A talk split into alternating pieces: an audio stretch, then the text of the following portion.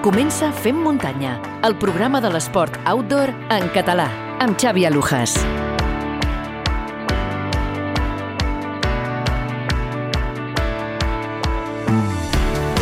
Hola, benvingudes i benvinguts al Fem Muntanya, el programa de podcast dedicat íntegrament a la muntanya i als esports outdoor. Tornem un dijous més amb el programa número 51.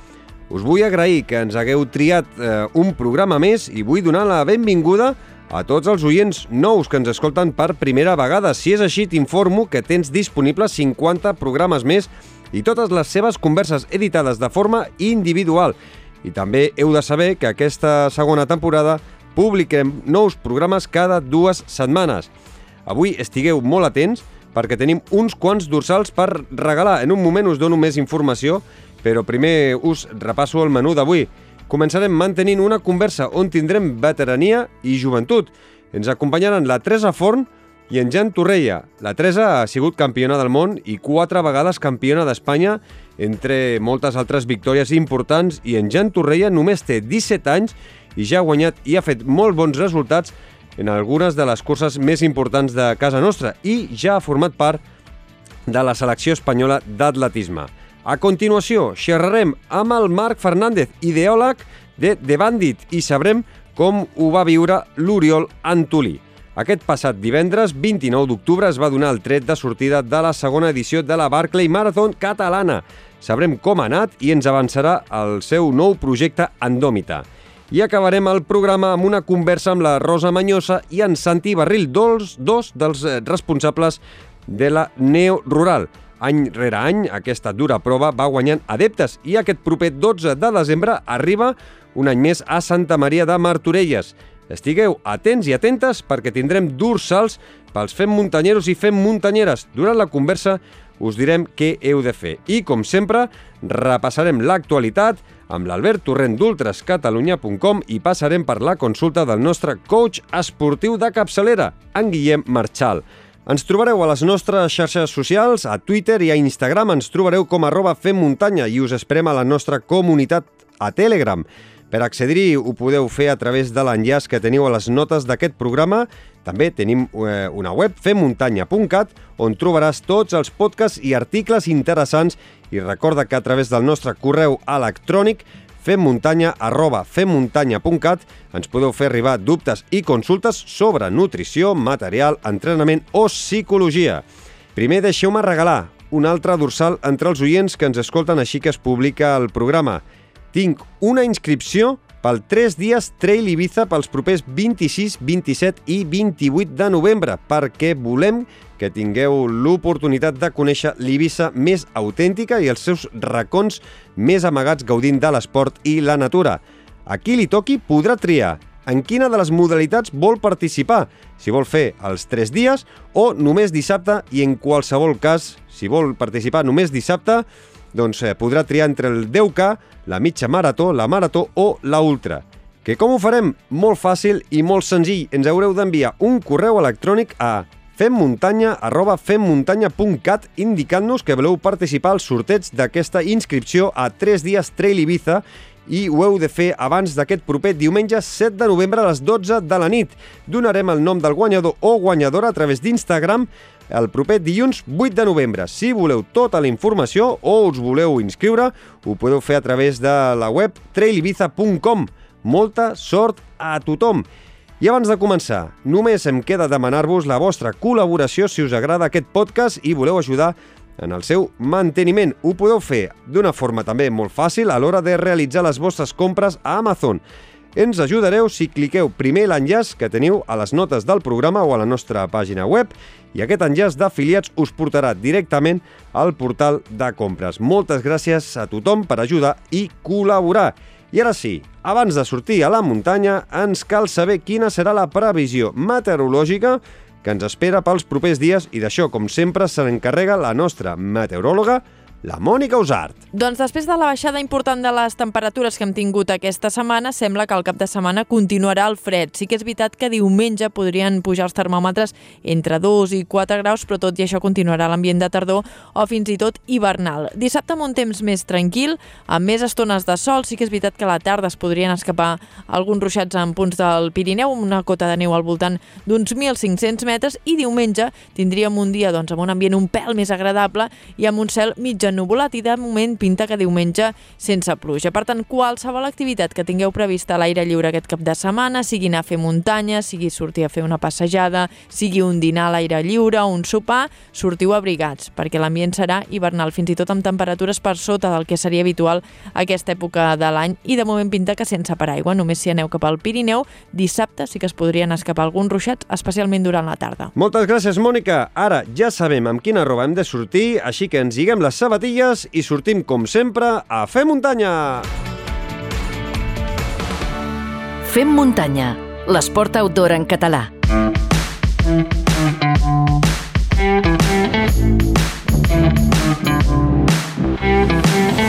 Després de saber la meteorologia que tindrem pels propers eh, dies, com sempre ens hem d'actualitzar perquè passen moltes coses en aquests eh, darrers 15 dies i ho fem anant fins a la redacció d'ultrascatalunya.com on ens espera l'Albert Torrent. Hola, Albert. Hola, Xavi, què tal? Molt bé, vinga, a veure, eh, comencem eh, sortint de, de les fronteres de Catalunya i anem a la Limone Sky Race, que hi ha hagut una mica de sarau, eh? Sí, a la localitat italiana de Limone Solgarda, que es va disputar aquesta mítica cursa que tancava el calendari les Sky Runner World Series de la ISF. I fins allà doncs, es va desplaçar la selecció catalana de curses per muntanya de la FEC, on Mireia Pons amb una novena posició i Georgina Gavarró en quinzena doncs van ser els resultats més destacats d'una selecció que tancava la temporada. La romanesa Denisa Dragomir revalidava la victòria aconseguida en l'edició anterior, amb rècord inclòs, i una victòria que li servia per coronar-se campiona d'aquestes Skyrunners World Series que junt amb el suís Christian Matís i la victòria masculina de la cursa doncs, va ser per l'italià Nadir Maguet. Uh -huh, uh, vinga, i una cursa que es va crear de nou, la Nations eh, Cup. Sí, la, aquesta Copa de Nacions de la World Mountain Running Association, una competició creada després de l'anul·lació del Campionat del Món que s'havia de celebrar a Tailàndia aquest mes de novembre i que es va celebrar a Itàlia, a Val Bregaglia Trail de Chavena, sobre un traçat de 19 quilòmetres i 660 metres positius. Doncs allà doncs, va anar la selecció espanyola de, de la RFA i finalment va ser quarta en equip eh, femení i cinquena amb l'equip masculí, una selecció italiana que va inaugurar el palmarès d'aquesta competició. I en ella doncs, eh, tres catalans, eh, Miquel Corbera, que va acabar en dotzena de posició, Jan Margarit en 36ena i una Núria Gil que es va poder classificar dins el top 15 tot i la, el fora esguins que va patir. Uh -huh. uh, ja tenim la convocatòria pel Campionat Europa de Sky Running. Sí, així ho va anunciar la FEDME, eh, el Combinat Nacional de, de Curses per Muntanya de la pròpia Federació Espanyola, doncs comptarà amb tres corredors catalans pel Campionat d'Europa de Sky Running de la ISF, que se celebrarà els propers 19 i 20 de novembre dins el marc de la Pissau Extrem, i els tres catalans doncs, seran Abel Carretero, Mireia Pons i Jordi Alís, que també direm aquest últim eh, Alís eh, va eh, classificar en quarta posició de la general de les Sky Runner World Series que abans hem comentat. Uh -huh. El català Daniel Castillo ha sigut plata en la final de les Golden Trail National Series.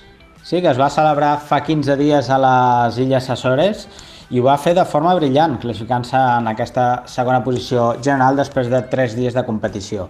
Amb aquesta segona posició, doncs, Castillo guanya una dels tres Golden Tickets per poder competir en tres curses de les Golden Trail Championship 2022 i tota una sorpresa que, tot i només tenir 21 anys, doncs s'ha guanyat per mèrits propis ser un dels noms actuals del panorama de les curses per muntanya del nostre país. I de ben segur que l'any vinent eh, donarà que, que parlar. I uh -huh. acabem aquest repàs a l'actualitat eh, pel que ha donat de si de la Trepitja Garrotxa, un clàssic també de la tardor a casa nostra. Sí, que es va celebrar també fa 15 dies, eh, on Roser Espanyol i Marc Uller eh, es van proclamar campions de Catalunya de curses d'ultraresistència eh, dins el marc d'aquesta Ultra trepitja Garrotxa sobre un traçat de 84 quilòmetres i 4.750 metres positius, una competició que va reunir prop d'un centenar de corredors i direm doncs, que una magnífica temporada per, per aquests dos corredors que han dominat les curses de llarga distància del nostre país, a més de realitzar bones actuacions a nivell estatal i internacional. I, Albert, abans d'acabar, eh, com tenim el calendari pels eh, propers 15 dies? De què hem d'estar pendents? O si hi ha gent que es vulgui apuntar i buscar curses, quines recomanes? Sí, doncs Déu-n'hi-do, Déu-n'hi-do com estem acabant l'any. Estem en els propers 15 dies eh, doncs, es celebraran fins a 17 eh, curses arreu de Catalunya i en eh, destacarem doncs, doncs 8 propostes. Va, aquest proper cap de setmana el trail del Montsec a la localitat d'Arger, a la Noguera, amb tres distàncies de 93, 47 i 20 quilòmetres. A Gualba Trail, a Gualba, al Vallès Oriental, dos distàncies de 21 i 13 quilòmetres. La 33 Pics de Navàs, al Bages, 22 i 10 quilòmetres i la cursa Roca Sant Martí Sarroca l'Alt Penedès amb una cursa de 15 quilòmetres. I pel proper cap de setmana, aquest no el següent, doncs quatre curses més, doncs la Centúria Trail a Sant Pau de Segúries a Ripollès, la cursa La Ratafia a Santa Coloma Farnès, a la comarca La Selva, la cursa de muntanya de Girona i el trail Antena Solidària a Barcelona. Mm -hmm. Doncs eh, si voleu més calendari i voleu sempre estar actualitzats, ja ho sabeu, eh? eh sempre heu d'entrar a ultrascatalunya.com. Albert Torrent, com sempre, un plaer. Ens escoltem d'aquí 15 dies. Cuida't, una abraçada. Una abraçada, macos. Fem muntanya, l'esport outdoor en català. La conversa que mantindré a continuació em fa molta il·lusió. Per una banda parlarem amb una corredora experta i que ha sigut campiona del món l'any 2003, campiona d'Espanya en quatre ocasions i ha guanyat infinitat de curses de llarga distància en la categoria veterana i màster. I en aquesta conversa, amb la Teresa Forn, també ens acompanyarà en Jan Torrella, un noi de 17 anys de Bagà, que amb aquesta edat ja ha guanyat proves com la Berga, la Berga que era el Berga, la Berga Trail de 14 quilòmetres, la Trail Ull de Ter Express, la Trail Cap de Creus Express i ha sigut setè absolut en la mitja marató de l'Ultra Pirineu. Apunta fort eh, el Jan Torrella. Doncs eh, així que ja els tenim, anem a saludar-los. Teresa Forn, benvinguda al Fem Muntanya. Gràcies, moltes gràcies per convidar-me. Bona tarda. Bona tarda. I Jan Torreia, benvingut al eh, Fem Muntanya. Moltes gràcies per convidar-me a mi també. Bona eh, tarda. Bona tarda. Eh, Teresa, Jan, eh, com esteu? Heu acabat la temporada o teniu curses al calendari? Uh, bueno, jo em quedo una cursa. I tu, Jan, eh, ja has acabat temporada aquest any 2021 o encara tens eh, curses pendents? Uh, em queden unes 3 o 4 curses encara pendents per acabar ja la temporada. I, i, i, I, i quines són? Quina, on et veurem? Uh, mira, una és la de Navàs, no sé si mm, Trencapics es diu. Sí, correcte. I llavors la de Clasmark també, la CMG Girona, i potser una que fan a, a Ibiza, Ibiza Trail. Ah, molt bé, la, la, tre, la 3 dies eh, Ibiza Trail, que per cert sí. tenim eh, dorsals per regalar, que ja m'he explicat a l'inici del programa com, com fer-ho, que és enviant correu electrònic a femmuntanya.femmuntanya.cat. Aquesta eh, és divertida, és xula. Què fas, els 3 dies o només en fas alguna part? Els 3 dies de 10 quilòmetres. Déu-n'hi-do, déu nhi déu Jan, com acabes la temporada. Eh, ara anirem parlant de com, com us planifiqueu, com entreneu i tot plegat. Eh? Teresa, començo per tu. Quants anys fa que corres per la muntanya i quina ha sigut una miqueta la teva evolució en quant a distàncies i progressió esportiva? Bé, jo eh, córrer per la muntanya realment ara deu fer uns 23 anys, però eh, que faig curses, diguéssim perquè ja anteriorment havia anat a córrer en proves de França que no eren considerades ben bé com a muntanya, tot i que fèiem alguns cims. Uh, de fet, jo vinc de, de l'asfalt, tot i que de jovenet era un excursionista. I res, uh, he anat evolucionant en funció també una mica de l'edat. A mesura que m'he anat tornant més lenta, he anat allargant les distàncies. I ara actualment on me sento més còmoda és amb curses llargues i tècniques però m'agrada tot, eh? realment tant em puc fer, diguéssim, els 5 quilòmetres del RAC, tu ja saps que a vegades hi he anat, com fer una de 170 com, eh, com la cursa que abans feien de, de la ronda de, de, dels cims, dels cims màgics, a Andorra. I em sento bé a tot arreu. Polivalent 100%, eh? Còmoda, tècnica, llarga. Sí, perquè jo em defineixo com una yonqui del córrer, a mi m'agrada molt córrer. Uh -huh. Tot i que, evidentment, en aquests darrers anys on eh, se t'ha vist molt més suelta és el que dius tu, eh? a les llargues distàncies, proves de, de moltes i moltes hores. Sí, i, i tècniques, sobretot em sento molt còmode amb les curses tècniques. També pot ser que al fer-me gran eh, pensi jo, eh, perquè a vegades ho he pensat, que aviat m'arribarà un moment que en lloc de tenir respecte a la muntanya, que és el que s'ha de tenir, pugui agafar por i llavors sempre em quedarà, diguem, les curses, diguem, de, de baixa muntanya, de bosc. L'alta muntanya no pots tenir por, has d'anar amb respecte però no amb por. I tinc aquest pensament que potser algun dia tindré por. Mm -hmm. I quan et dones compte, Teresa, que pots guanyar campionats nacionals i, internacionals, quan fas aquest clic que dius, ostres, si entreno una miqueta més, si eh, m'exprimeixo una miqueta més, eh, puc ser campiona d'Espanya de, i campiona del món? Bé, ara potser no quedarà gaire bé el que diré, però aquest clic no l'he fet mai jo. jo. Jo sempre he corregut per afició, per il·lusió, i les coses més aviat m'han vingut donades. Eh, sí que és veritat que durant una època havia entrenat molt i molt dur per l'asfalt i, i eh, al passar-me a la muntanya és un altre concepte, eh? vull dir que no, no estic comparant, eh? però al passar-me a la muntanya, que diguem és més agradable en el sentit de que eh, hi ha més vista, sents més els colors, les olors, eh, eh, tot a tu tens, eh, tens unes altres sensacions, se'm va fer més còmode i, i mira, em van venir donat. Jo, jo no he buscat mai aquestes coses. Sempre hi va, vaig per il·lusions, no, no, no tinc reptes jo. El meu repte és sempre poder anar a treballar l'endemà estupendament. Mm -hmm. Res més. I, I disfrutar d'aquest esport que és córrer per la muntanya, això és bàsic, eh? Sí, és el meu esbarjo, realment és el meu esbarjo. Uh -huh. eh, Jan, eh, pel que fa a tu, o sigui, quan fa que, que vas començar a córrer eh, una miqueta més eh, en, en sèrio? És a dir, que, que t'hi dediques una miqueta més a, a córrer per la muntanya? Um, mira, jo vaig començar des del confinament.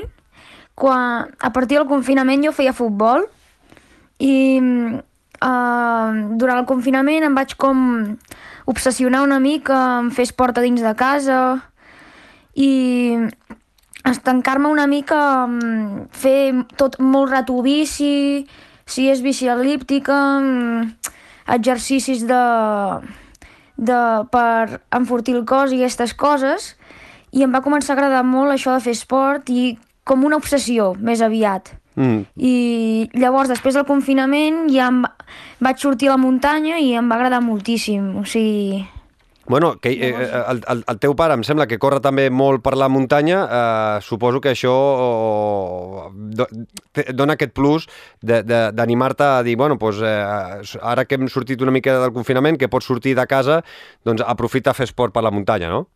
Sí, sí. El meu pare m'ha transmès moltes...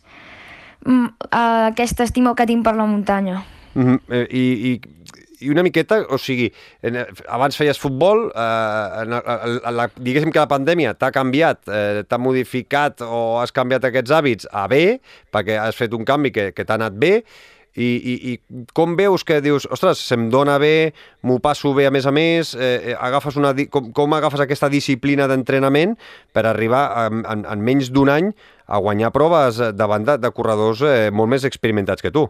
Doncs Mira, jo vaig començar i entrenar pel meu compte, no sabia què era i, te, i, i entrava molt, molt, molt i no... O sigui, no tenia unes pautes ni res.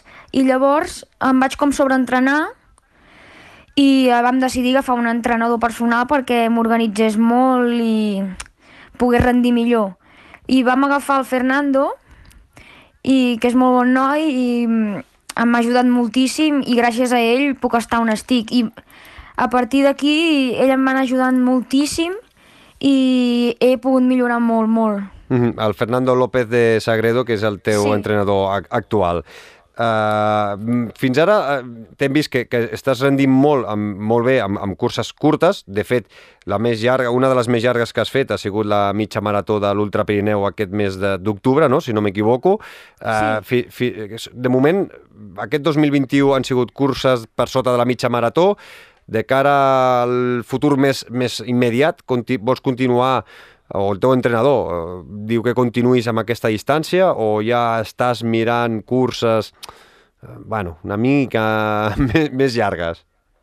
Bueno, a mi jo em sento molt, bastant còmode en aquestes curses curtes.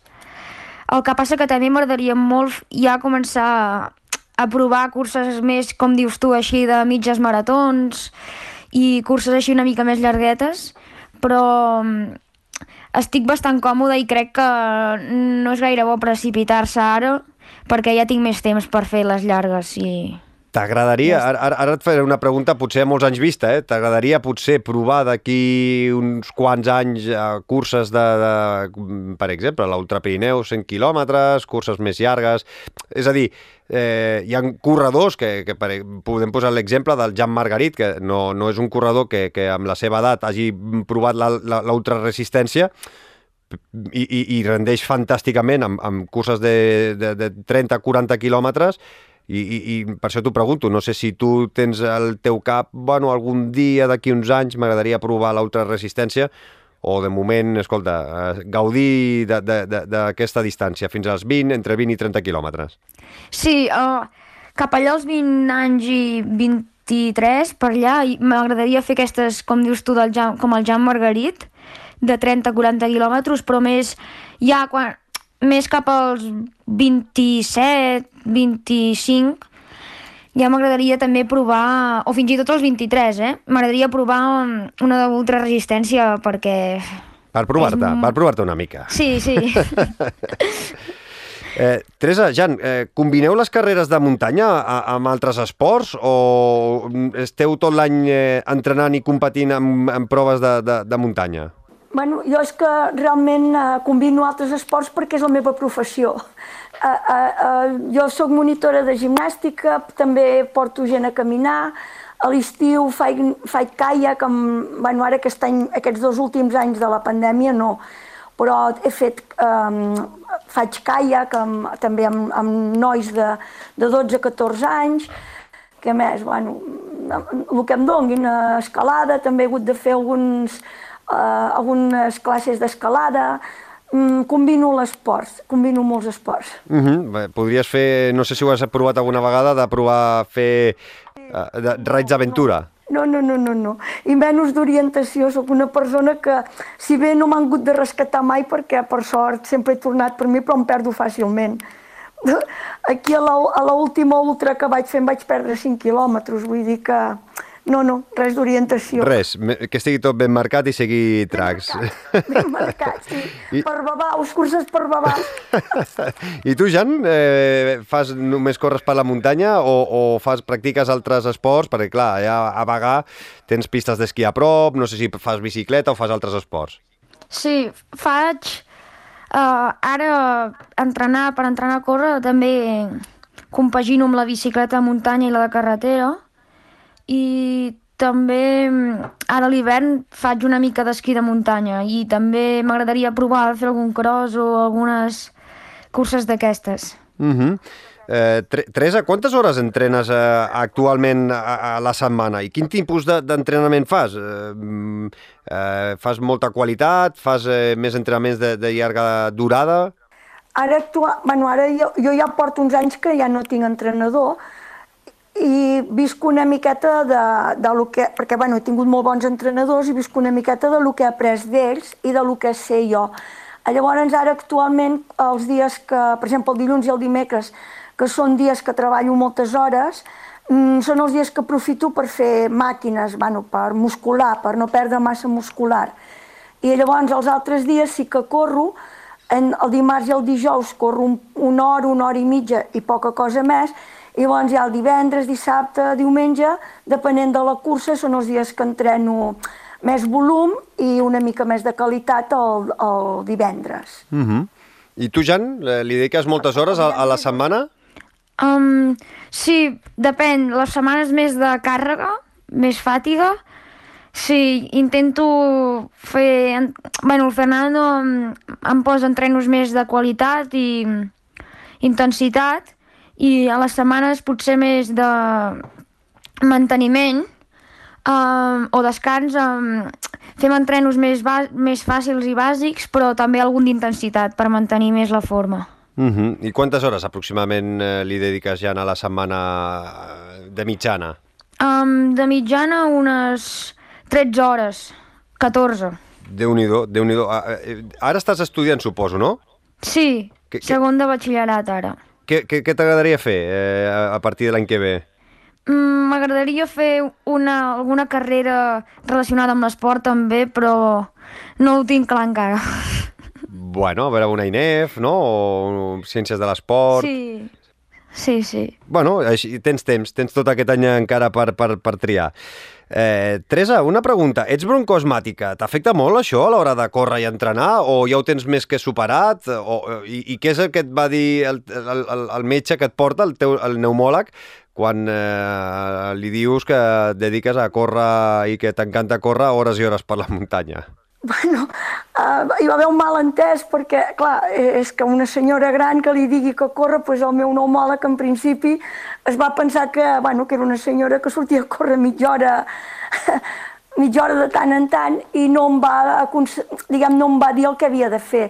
Després les coses ja un cop aclarides, doncs res, segueixo unes pautes, he d'anar sempre amb el Ventolin, mm, i, i si és una cursa curta només Ventolin, i si és llarg he de portar la medicació, la, el que diguem són els corticoides, i res, doncs que sempre he de passejar això. I si no hi ha boira o molta humitat, doncs no solo tenir cap problema, mai m'he de medicar, però si, bueno, mai he d'agafar el rescat, però si són, per exemple, aquí a Bisaura, que hi va haver molta boira, aquí vaig haver de tirar de, de rescat, perquè és quan em eh, xiulo, bueno, fas xiulets, pateixes més, has de baixar el ritme, vamos, que no pots fer la cursa que tu voldries, has d'anar més a poc a poc. Has de tenir el- Senzillament has d'anar més a poc a poc. Has de tenir el salbutamol sempre, sempre a mà.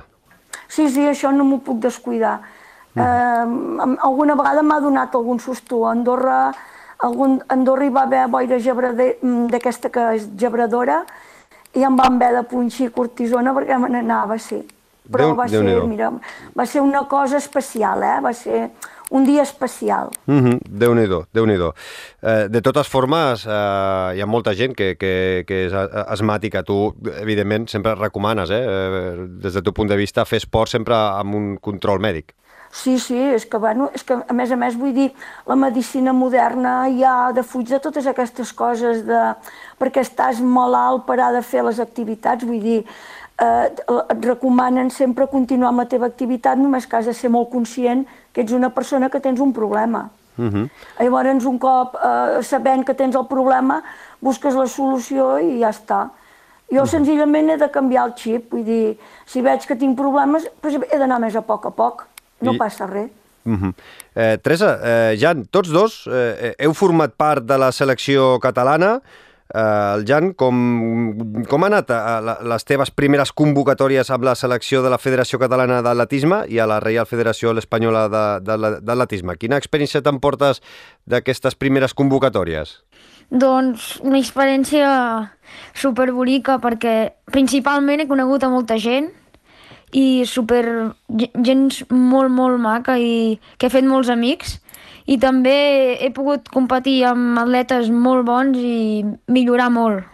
Uh -huh. mm, com, ho, com ho veus? Tu creus que entrenant com estàs entrenant, de cara a l'any vinent doncs, eh, aniràs més vegades convocat? Tu, eh, veus que el futur pot continuar també amb la, amb la Federació Catalana d'Atletisme o, la, o la Federació Espanyola d'Atletisme? Mm, sí, de, depèn, depèn de, dels altres corredors, de com em trobi jo també, perquè hi ha un nivell altíssim i mai se sap això. Mm -hmm. mm, no puc assegurar. Doncs eh, entrenar, entrenar et tocarà.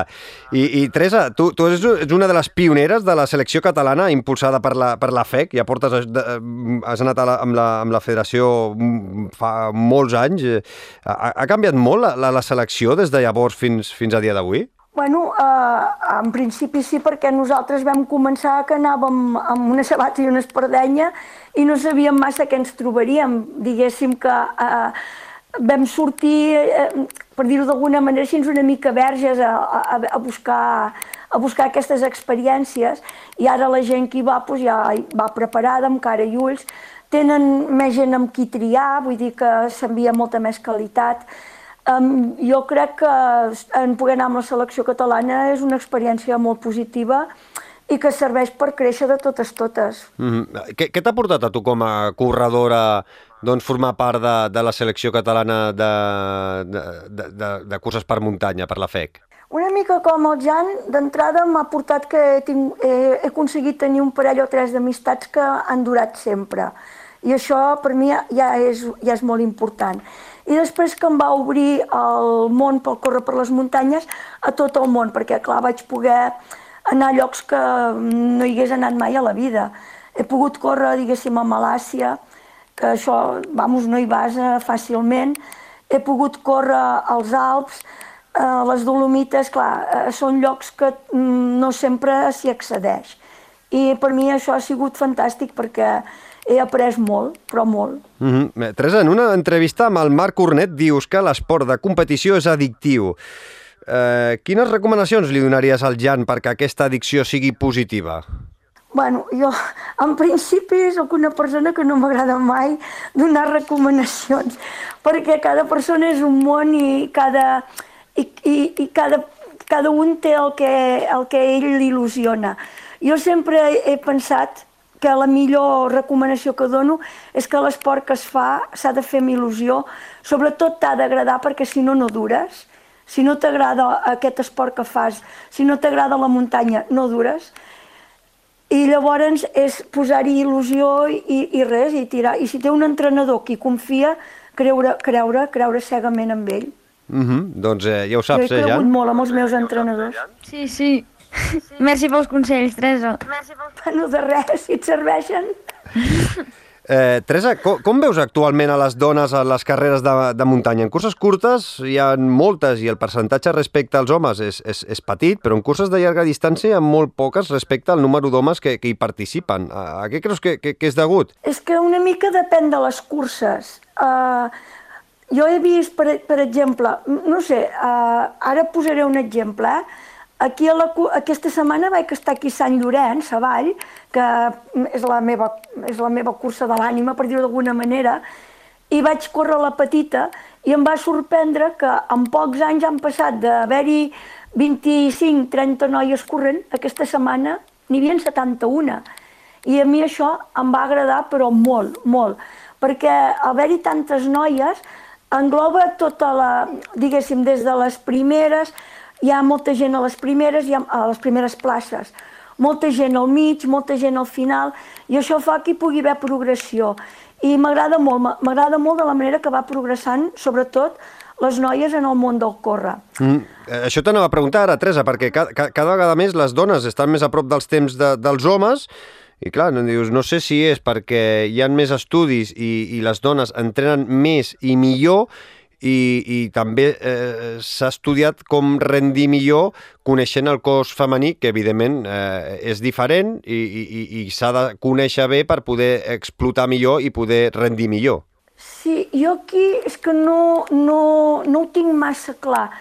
Jo també penso que eh, hi ha molta...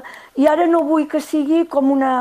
No, no, no, em vull expressar com si fos una rancúnia, veritat?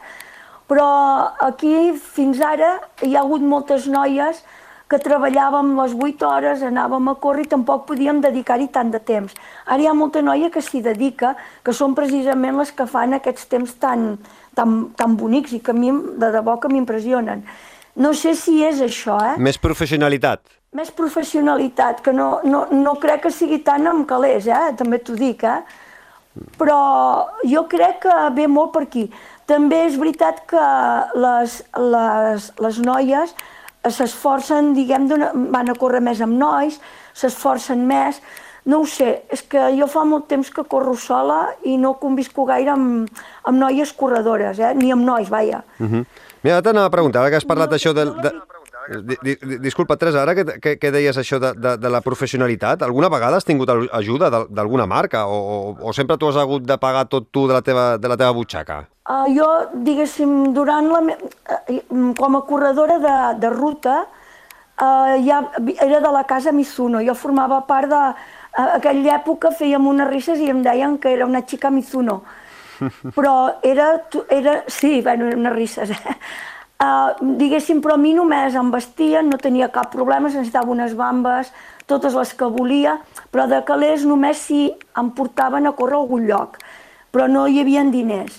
Després, més tard, vaig ser de l'AG, i ara ja no, diguéssim, ara ja vaig sola. Uh -huh. I, I tu, Jan, eh, amb aquests eh, resultats que has fet eh, aquest any 2021, eh, ja t'ha trucat alguna marca per donar-te un cop de mà doncs, amb material o, o, o bueno, algun altre tipus d'esponsorització? De, sí, um, uh, Nike, uh, Will Try Project, um, uh, està ajudant molt a l'escola dels Mountain Runners del Berguedà i um, té un equip júnior que està format per uns vuit nois i algunes noies també i ens, ens donen molta roba, bambes i ens ajuden moltíssim per, per així no haver de pagar nosaltres això. I també ens porten a molts llocs quedem junts per entrenar i això és molt maco. Mhm. -huh. Això està molt bé perquè amb la teva edat eh, que, que et donin sí. un cop de mà material és eh, bueno, una bona despesa que, que t'estalvies.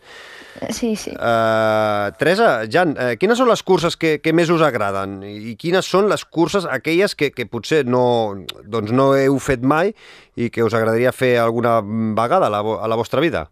Uh, bueno, jo les que, la, la que em faria una il·lusió tremenda però que cada cop ho veig més difícil és el Tor dels Geants. Però que és, esclar, és en una època en què jo començo a treballar fort. Bueno, almenys que començo amb les meves noies. I llavors de les que més m'agraden eh, malauradament una ja no la fan que era qualsevol la, la Ronda dels Cims o, o la de 170 d'Andorra de, de, Uh -huh. I ara pues, em quedo amb el Valle de Tena com a ultra, que és una de la Valle de Tena, Guarasso Montano, jo corro molt bé a l'Aragó, a les ultres, i, bueno, i aquí a casa de les, de les més curtetes, doncs, bueno, Sant Llorenç m'agrada molt, bueno, en fi, tinc, en tinc més d'una de cursa així que faig, que allà baix el trenca cims pols també és que m'encanta, no sé, en tinc més d'una. Uh -huh. I tu, Jan? A mi m'agradaria molt, també com la de casa, l'Ultra Pirineu, la de llarga, la... també m'agradaria molt. I mm, algunes d'aquestes de les Golden Trail Series, aquestes que hi ha els, els, els corredors més bons del món, molt bons, i mm, com per exemple la de les Dolomites o algun lloc d'aquests, i també mm, com ha dit la Teresa, la trencacims aquesta m'agradaria molt fer-la i també moltes més. Mm -hmm. Són coses molt xules, competicions molt, molt competides i que estic convençut, Jan, que en pocs anys et veurem amb alguna d'aquestes competicions d'un en guerra, eh? Eh, Teresa, sempre diuen que, que córrer és molt lesiu, eh? eh? Tu que portes tants anys i, i que has fet milers i milers i milers de quilòmetres, Has patit moltes lesions greus durant la teva carrera? Mm, bueno, jo no, no sóc de patir moltes lesions greus. El meu, el meu únic problema és que faig moltes fractures d'estrès. Mm -hmm. Clar, això, la part bona és que quan et cures, et cures. No és una tendinitis que la vas allargant. No he tingut... També és que m'he cuidat molt de, de, de muscular bé, i ho he tingut sempre molt en compte des del principi, també és la meva professió, per això hi crec tant. No sé si té a veure, però jo realment fractura, vull dir, el que faig són fractures d'estrès. Alguna fractura també d'alguna pinya que m'he que, que donat, vaja. Mm -hmm. alguna costella, algun braç... Però... Bueno, les caigudes són... Jo crec que les caigudes estan a, a, a, a, o sigui, és, la, eh, és el nostre punt dèbil gairebé per tots els corredors. Eh, o sigui, fa, eh, eh, lesions per, per, per trauma, crec que qui més qui menys sempre n'ha patit alguna. Creus llavors, és, és, o sigui, quin consell potser li donaries tu al, al Jan en aquest sentit perquè pugui arribar a la teva edat, eh, passar als 60, continuant corrents com corres tu i que pateixi tan poques lesions com, com has patit tu? Jo, eh, el meu, és el consell que no li dono al Jan, li dono a tothom, i és que cuidi el cos, vull dir, que no s'abandoni, perquè justament el que millor, millor va per fer qualsevol esport és és muscular, és no perdre massa muscular, i si no que els expliquin als tenistes, que molts tenistes han de deixar-ho perquè no han cuidat, no han cuidat la forma, diguem, la forma física. Jo crec que és la base. Mm -hmm. I, Jan, i, i ara que veus que tens aquest potencial per, per explorar, entrenar i, i potenciar, a, a dia d'avui, una miqueta, eh? Potser és allò que t'agrada somiar. A on, a, fins on t'agradaria arribar? Allò que dius, mira, ara mateix el meu... M'agradaria, doncs, guanyar, no sé, un campionat del món... És a dir, a, a on t'agradaria arribar, Jan? Bueno, sí, um, clar, com a somni i com a meta que m'agradaria molt és almenys estar disputar algun campionat del món, no, no guanyar-lo, sinó disputar i competint amb, amb, amb companys d'equip i passar-ho passar molt bé perquè són experiències úniques. Uh mhm. -huh. I anem acabant, eh? Teresa, com, com creus que ha evolucionat les curses de muntanya des de que vas començar fins, fins a dia d'avui? Creus que la filosofia és la mateixa amb aquests eh, 30 anys o, o, o ha canviat molt, no té res a veure? Com, com, com ho veus des del teu punt de vista, Teresa? És que depèn una mica de quines curses vas. Uh, jo, per exemple, aquestes curses d'alta muntanya uh, m'hi sento tan còmodes perquè pràcticament la filosofia és la mateixa, des del que guanya fins al que només va a ser un, un noi que acaba un finisher. Uh, llavors ja hi ha aquestes curses, diguéssim, una mica més mediàtiques, que allà ja hi trobo... Jo, per exemple, amb curses mediàtiques cada cop les defujo més, perquè sí que trobo gent que no sé fins a quin punt li pot agradar el que fa. No sé si hi ha competicions entre col·legues per veure qui és el més fort, qui és el més guai, i a mi això ja m'atabala una mica, però a mi, eh, no, jo no dic que això no sigui bo ni sigui positiu, eh, senzillament que jo no m'hi sento còmoda. I per això també em decanto més amb curses una mica més complicades i més especials, perquè allò és com, a, com era abans, eh, córrer per il·lusió, intentar arribar, eh, allà hi fas, eh, fas companyerisme per, per, per si hi ha algun problema, que si plou doncs t'ajuntes amb algú. És una mica com abans. I en canvi aquestes curses ja una mica més mediàtiques ja costa més trobar aquesta, aquest romanticisme, per dir-ho d'alguna manera. Crec que s'ha perdut una mica el romantisme. Uh -huh. I, I ja acabo, eh? amb una pregunta per tots dos, i començo per tu, Jan. Eh, estàs ja treballant, eh, confeccionant el calendari del 2022? Ja tens clar quines curses hi, hi aniràs sí o sí, aquells, aquelles curses que tens marcades en vermell? Um, bueno, uh, la veritat és que no gaire, però m'agradaria molt anar a algunes de Clasmark perquè penso que és brutal el que fan. I uh, com ho organitzen i tot. I també mm, algunes que plantegin la Federació Catalana d'Atletisme i la, la FEC també. I, bueno, anar, anar fent així i a veure què surt. Mm -hmm. I tu, eh, Teresa, tens així ja també una miqueta algunes curses marcades en vermell pel 2022? Jo en vermell, així, si, si la meva neboda s'hi posa bé, Eh, voldria tornar a repetir la Pierramenta, que, que aquest any eh, la vam córrer i ens ho vam passar molt bé, vam disfrutar molt, que són tres dies que són per uns paisatges increïbles.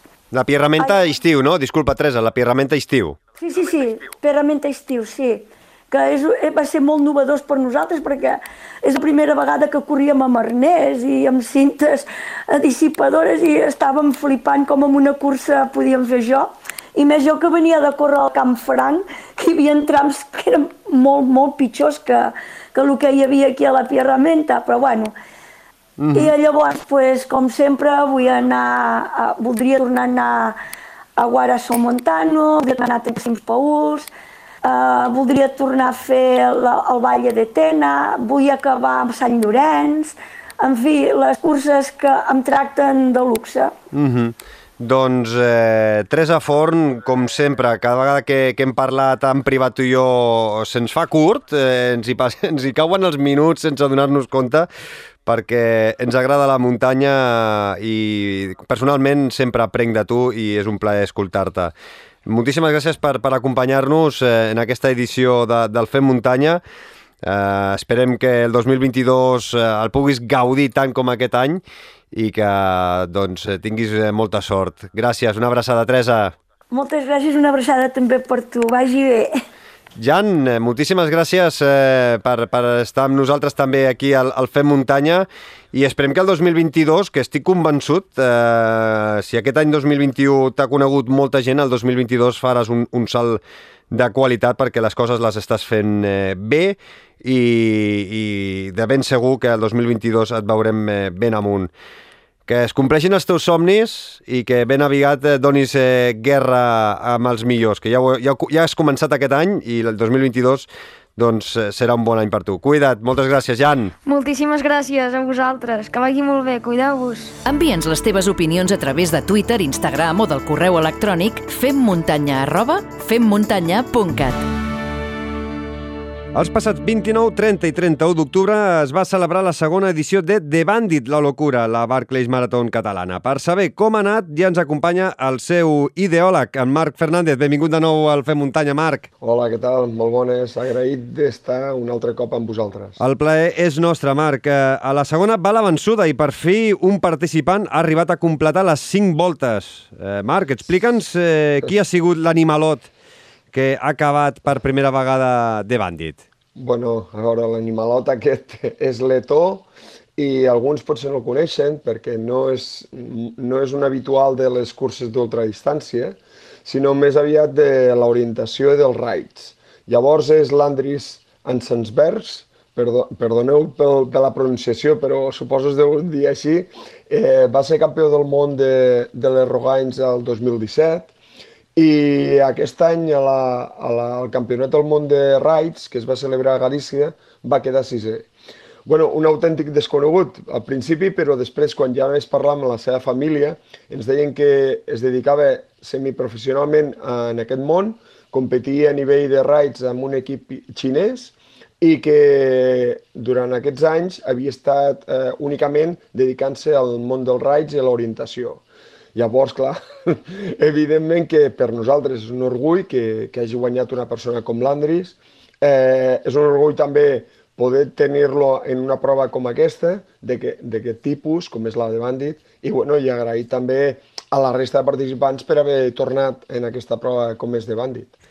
A veure, eh, la, durant la primera temporada vam parlar en diverses ocasions de, de Bandit, eh, ja vas explicar ben bé què era, però per si hi ha algun extraterrestre que per primer cop ens escolta i no sap què és de Bandit, Fes-nos un resum, res, breu, si pot ser, eh? no d'aquells eh, com aquells, eh, doncs, aquests eh, Instagrams live que fas, sí, d'una hora, aquests eh? Vídeos, va. Més que res, perquè si no el, Fem Muntanya d'aquesta sí. edició durarà Pot 3 hores. Dies, sí, també. sí. Bueno, un resum, uh, res, de dos minuts... Principalment, t'ho explico breument, principalment es basa molt en la creació que, que va fer en Lazarus Lake, eh, el conegut eh, bueno, creador de la Barclay Marathon, i a la qual es recrea una mica el que és l'orientació, però de llarga distància, en, en, en un entorn que, que bueno, ara ja coneixen, que és Capçanes, en el qual han de recollir les fulles d'uns llibres que van trobar durant el recorregut. Aquest recorregut no està marcat, evidentment, i, i sol poden fer-ho a través d'un mapa i un roadbook i la bruja que porten, que és material obligatori. Llavors han d'aconseguir arrencar les pàgines del seu número que, que en, aquell, en aquell moment ponen, que és el dorsal.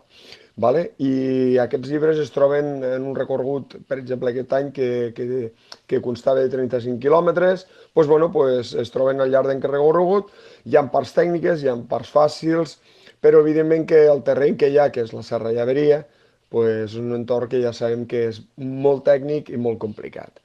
I això es basa, és únicament, eh, és d'orientació pura i dura, eh, que és, és, és un entorn molt salvatge i, i que llavors eh, tot està extret una mica de, de la filosofia de la Barclay Marathon. És la germana petita eh, i la catalana que gràcies a, a Déu hem portat a les nostres terres i que la gent pot anar a conèixer mica en mica eh, per mitjà de, ja sigui per la, pels participants o per mitjà de publicitat, com són els mitjans de comunicació que ens han, ens han anat donant durant aquests dos anys. Uh -huh. Deixa'm saludar, Marc, a, sí. a un amic eh, del, del Fem Muntanya, a un dels participants que va fer dues voltes i que la tercera la va fer fora de temps.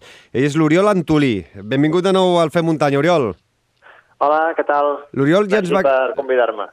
Gràcies a tu per, per acceptar així pim-pam, perquè teníem tancada la conversa a, amb el Marc i veient una miqueta els esdeveniments i que tu hi participaves i que, bueno, vas arribar fora de temps a la tercera volta, crec que és, ets un, un bon testimoni del que ha sigut de, de Bandit aquesta segona edició. Si voleu, us recomano que escolteu el segon programa del Fem Muntanya, el, el, de la temporada passada, que amb l'Oriol vam tenir una conversa llarga i interessant d'un gran repte que, que va dur a terme eh, l'any passat. Eh, Oriol, eh, has pogut dormir? Has eh, pogut recuperar hores de son o no? Sí, sí, el que passa és que encara avui estic a la feina i encara, encara és difícil pensar amb claredat.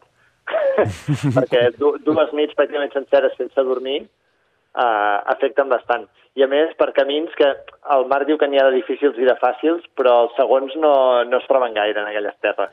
Bastant difícils en general, eh? Uh, quantes, hores quantes hores t'hi has estat, Oriol, uh, participant al The Bandit abans de quedar uh, eliminat?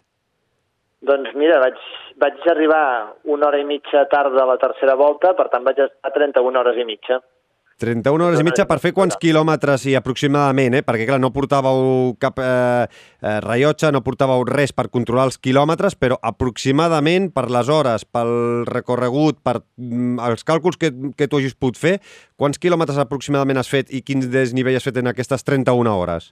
Clar, és, és molt difícil perquè et perds molt, però segons el que diu l'organització eh, devia fer uns 105 quilòmetres més o menys, una cosa així, i en desnivell 7.500 com a mínim. Com a mínim? Això, això sense comptar totes les pèrdues, eh, que segurament 10 quilòmetres i alguns centenars de metres més van caure. Déu-n'hi-do. Eh, vau començar divendres a la nit, eh, quan Sunto va veure de la bota a les 10 i 41 hores eh, de la nit, o sigui, més tard, si no recordo malament, que la primera edició, i la pluja us va acompanyar tota la nit. Eh, la pluja i una mica la fresca van endurir una miqueta més, va fer una mica més èpica de Bandit, aquest, sobretot aquesta primera nit. Sí, clar. I, I el fet de passar fred i sota la pluja i, i, i a les alçades feia vent, sí que és veritat que la primera volta va desgastar molt. De fet, eh, els números de, de la gent que va poder anar passant parlen per si sols, no? Ah, ah. Hi va haver molta gent que va haver de plegar la primera volta jo crec que el, la meteorologia hi va jugar molt en contra. I, I per tu com van anar aquestes primeres dues voltes? Bé, la primera volta va anar prou bé, Uh, el que passa és que vam cometre un error bastant gran a dalt de la serra de Llevaria i allà dalt, clar, hi feia molt fred. I per sort anàvem amb el amb l'Antonio, amb el Rafa i amb el José, que, que eh, entre els quatre ens vam aconseguir orientar, orientar i al final trobar el camí vam arribar amb 9 hores de la primera volta, o 9 i quart, i, i vam poder arribar a temps, però però clar, allà cometre algun error de seguida et suposa perdre molt temps i la possibilitat de quedar fora o haver d'apretar molt, que llavors et penalitza. Mm -hmm. I, I quantes hores teníeu per fer la primera volta?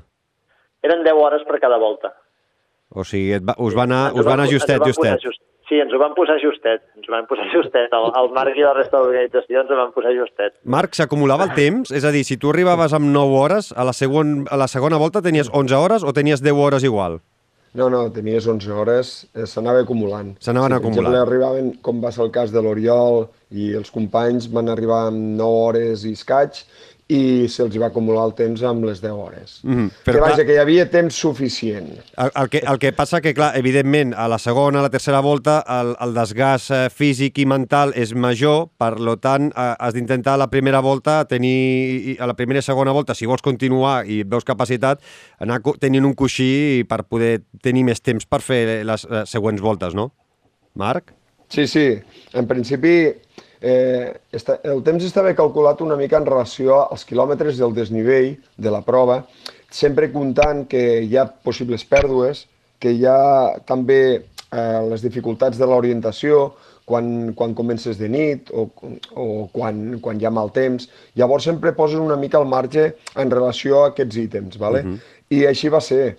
Vaja, eh, l'Oriol perquè, perquè, bueno, a veure, és, ja sabem que és un gran, un gran dels, dels corredors d'ultradistància, però potser l'orientació és, és una, una, una de les qualitats que potser encara en aquests moments encara no té del tot agafat, però jo crec que ho va fer molt bé, molt bé, eh, la primera volta. La segona també la va fer molt bé. I la tercera, potser jo crec que fins i tot si hagués anat sol, jo, que, jo crec que potser hagués arribat. I, i, crec, eh? Oriol, i què va passar la tercera volta que vau arribar una hora i escaig fora de, de temps? Què, què us va passar?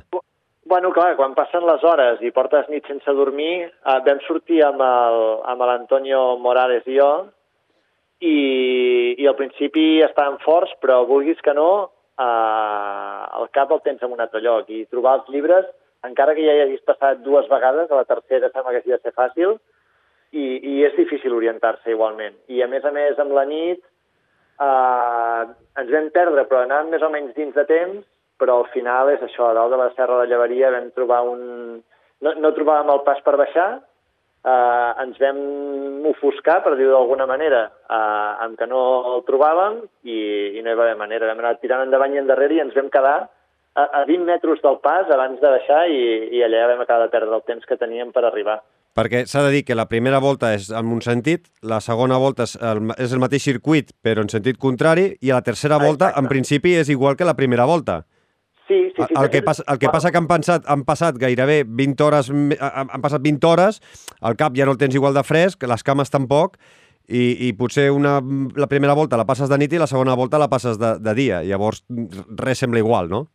Exacte, i la nit, la nit afecta, i a més a més, quan, mentre estaven fent la primera volta, això la, els la gent de l'organització ens ho van amagar, i, i resulta que no, no ho sabíem encara que serien la mateixa volta totes, eh, que seria el mateix recorregut totes les voltes canviant el sentit. Eh, com l'any passat va ser voltes diferents, tothom pensava el mateix. Llavors, no et quedaves tant amb els llocs. Clar, quan ens en vam adonar de que la volta es repetia totes les vegades, després d'allà sí que anaves fixant en tots els camins de quan aniries en sentit contrari, quan tot, per, per intentar retenir-ho a la memòria i poder trobar el camí més fàcil a les voltes següents. Mm -hmm. Eh, però, però clar, no ho sabíem al principi tampoc. S'ha de dir que l'Oriol, la setmana anterior, va participar a la primera marató de muntanya de Catalunya a Sant Llorenç Savall i va acabar en 4 hores 7 minuts en novena posició. Eh, mm, eh, va recuperar bé o va ser un gran entrenament per arribar a tope en aquesta segona edició de The Bandit? Més que res perquè quan vas acabar la, la marató, jo hi era a Sant Llorenç, et vas veure arribar i em vas comentar que arribaves força cansat, eh? Sí, sí. No, la veritat és que arribava molt cansat i en realitat el que em va passar és que ja estava apuntat des feia molt temps a la primera marató de Catalunya i, i vaig decidir anar-hi igualment encara que anés a The Bandit. Vaig sortir pensant que havia de reservar per no cansar-me gaire i al final ja sabem que quan estàs allà dins Uh, et piques, et piques. Et, et piques i fas tot el que pots. Bueno, I, i, i realment pensava que m'afectaria molt per The Bandit, però, clar, és una de Bandit és una aventura que és molt d'orientació i et permet anar relativament tranquil si t'orientes bé. Uh -huh. I em pensava que m'ho notaria i no, no, no, no em serveix d'excusa. Uh -huh. Què és, què, què, Oriol, i, i per un participant de, de Bandit, què, què és el més difícil? Uh, la, les, el pas de les hores, l'orientació, uh, el, el terreny, no sé, de, per tu? Què sí, és... jo, crec que, jo crec que és una mica la suma de tot, perquè, clar, el, el terreny fa que, que els peus cada vegada els tinguis més, uh, més complicats. Ja és amb ferides, llagues, amb, amb dolor potser als tonells. Uh, les hores, clar, t'afecten molt uh, a la son i a com, i a com penses per, per poder llegir el mapa i la brúixola i saber cap on has d'anar. Això, clar, el que comentàveu abans, no?, de l'Andris, que, que vaig coincidir unes hores amb ell i és una màquina, ell quasi bé ho té automatitzat, quasi bé no ha de pensar per, per decidir on ha d'anar. Els que no estem tan acostumats a l'orientació eh, hem d'agafar cada vegada el mapa, has de fer un esforç mental per, per decidir i per veure cap on has d'anar i això fa que no... que clar, quan estàs cansat no ho puguis fer de la mateixa manera que ho feies abans. Mm -hmm. I, I a nivell físic, clar, també és difícil, però no deixa de ser una, una ultra de 180 o 190 i, i 12.500 de positiu, no? Per recorregut, més o menys pels càlculs.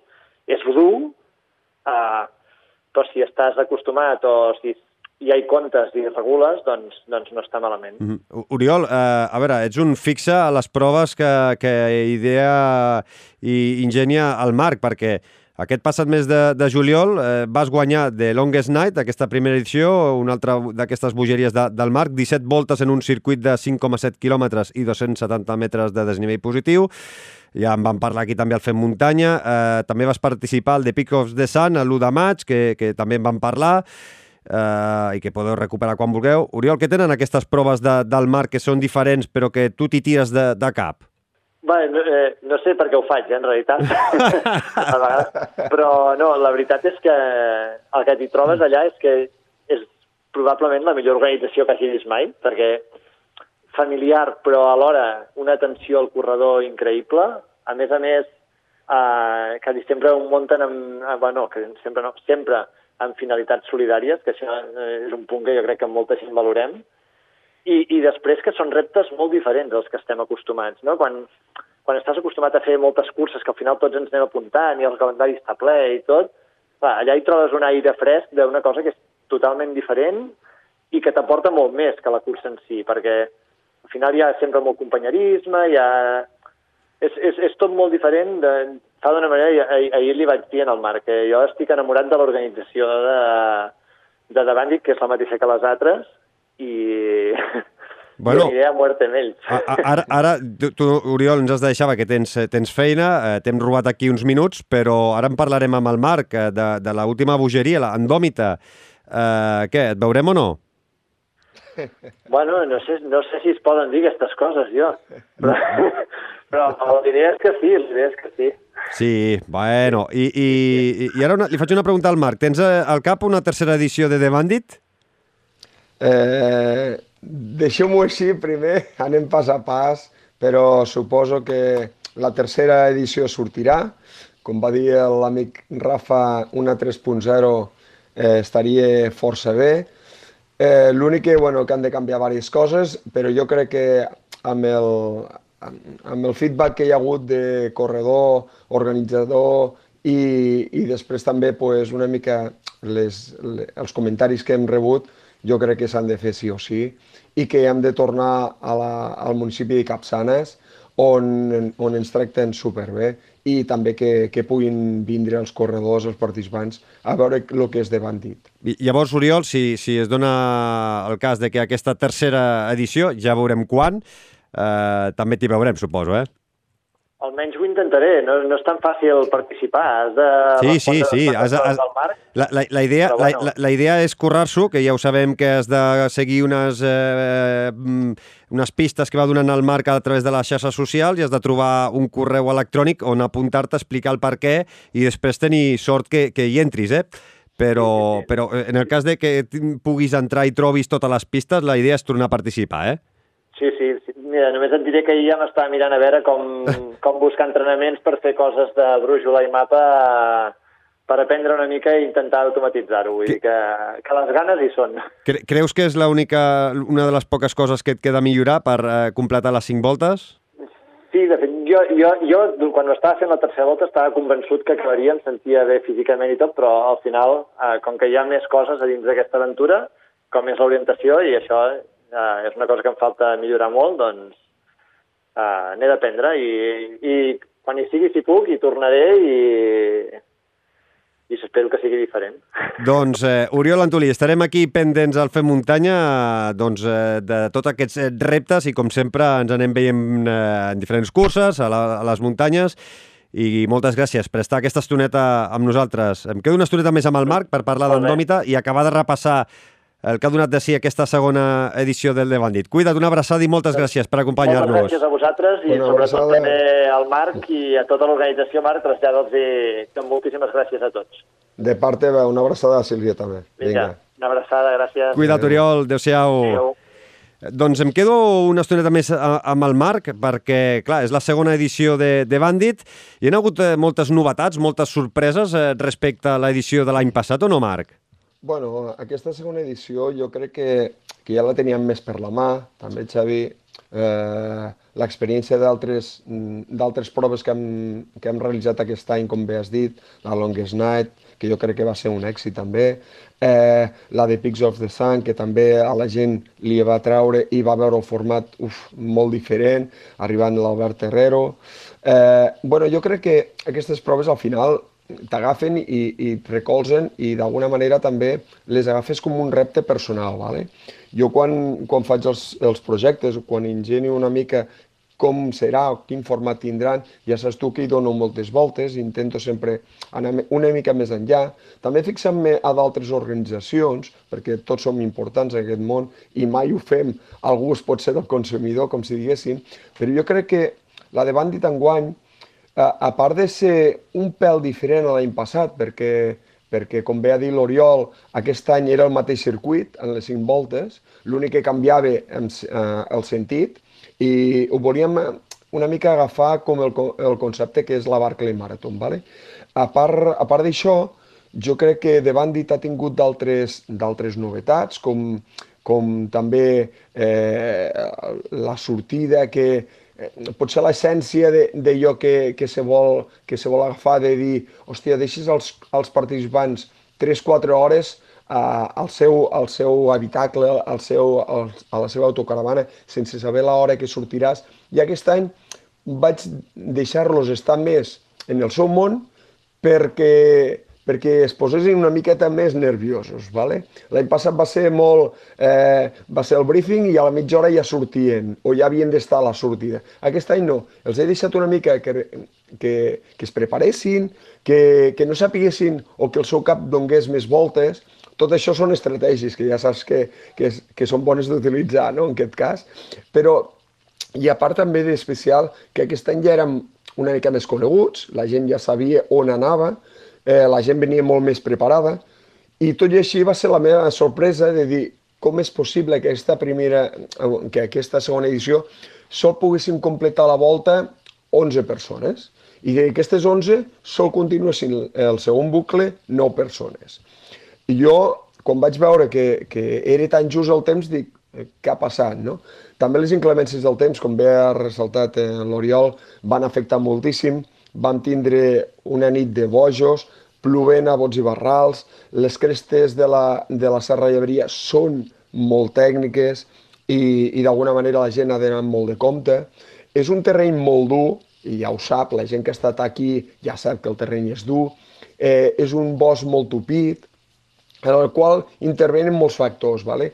Tu, si per exemple fas orientació i tens punts, punts on, on veus o, o reflexen a, a algunes senyalitzacions o, o algun pic o algun, alguna zona que tu et puguis conèixer o punts en punts de referència, doncs perfecte. Però aquí, al ser tan tancat i sol haver dos punts que puguis veure eh, una mica on, on està situat, doncs llavors encara costa més, no?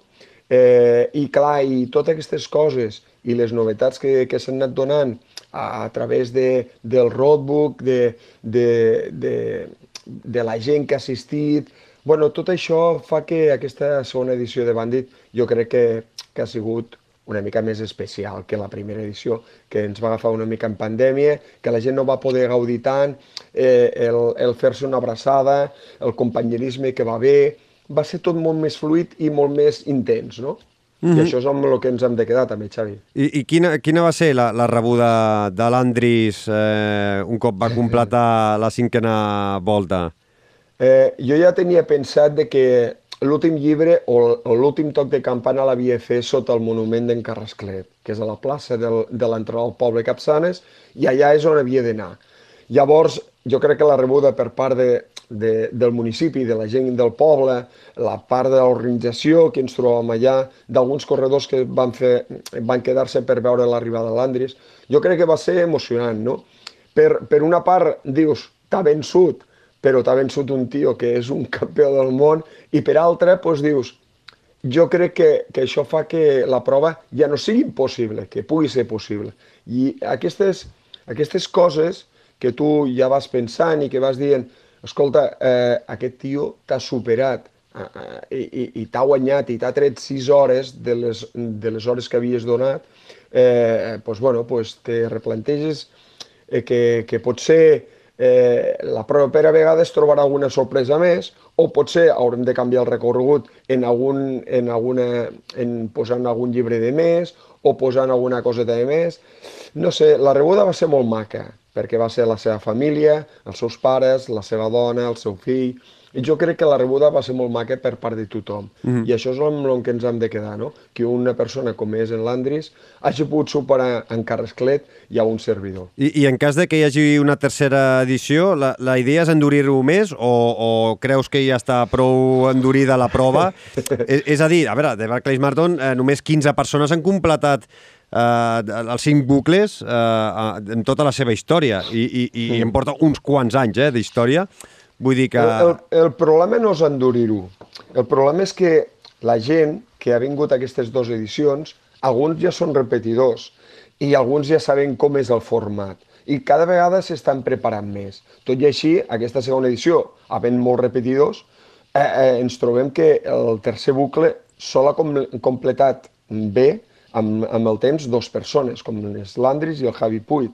El, uh, I això et dona certa mesura de dir, hosti, si ho compliques més, què pots arribar a fer, no? Que no passin ni el, del tercer com va passar l'any passat, o, o d'alguna manera afegir alguna novetat, o afegir algun llibre més perquè els hi costi més arribar en aquest tercer bucle, i que, que si ve gent tan experimentada com és l'Andris, que ho tinguin una miqueta més difícil, no sé, això eh, m'ho rumiaré, he de sopesar-ho tot, i, i s'ha de fer una valoració post, post mm. de Bandit 2.0 i veure què és el que podem afegir i què és el que, que ens ha servit aquesta segona edició com a, com a punts bons. No? Jo eh. crec que ha sortit molt bé, és una edició que, que fent un recorregut d'uns 35 quilòmetres amb 2.500 positius eh, ha estat força positiva per part dels participants, s'ho han passat molt bé. Fins i tot els que no han acabat el primer bucle van estar super orgullosos, van, es, van estar supercontents de, de poder estar presents a aquesta segona edició i, i que, que malauradament pues, no van completar, però ells mateixos se van dir, no? Diu, jo vull tornar, m'ha agradat moltíssim i això és el que, que et satisfà a tu personalment, no? com a creador. Eh, eh, les últimes preguntes, eh, Marc. Eh, sí. De totes aquestes persones que no van passar a la segona volta, que van quedar eliminats a la primera volta, eh, després què van fer? Es van quedar mm, durant tot el cap de setmana per gaudir de la festa de The Bandit? Eh, van marxar cap a casa? Eh, és un... És un... Això... Aquestes de les coses que, que he d'intentar que, que almenys el cap de setmana es quedin tots.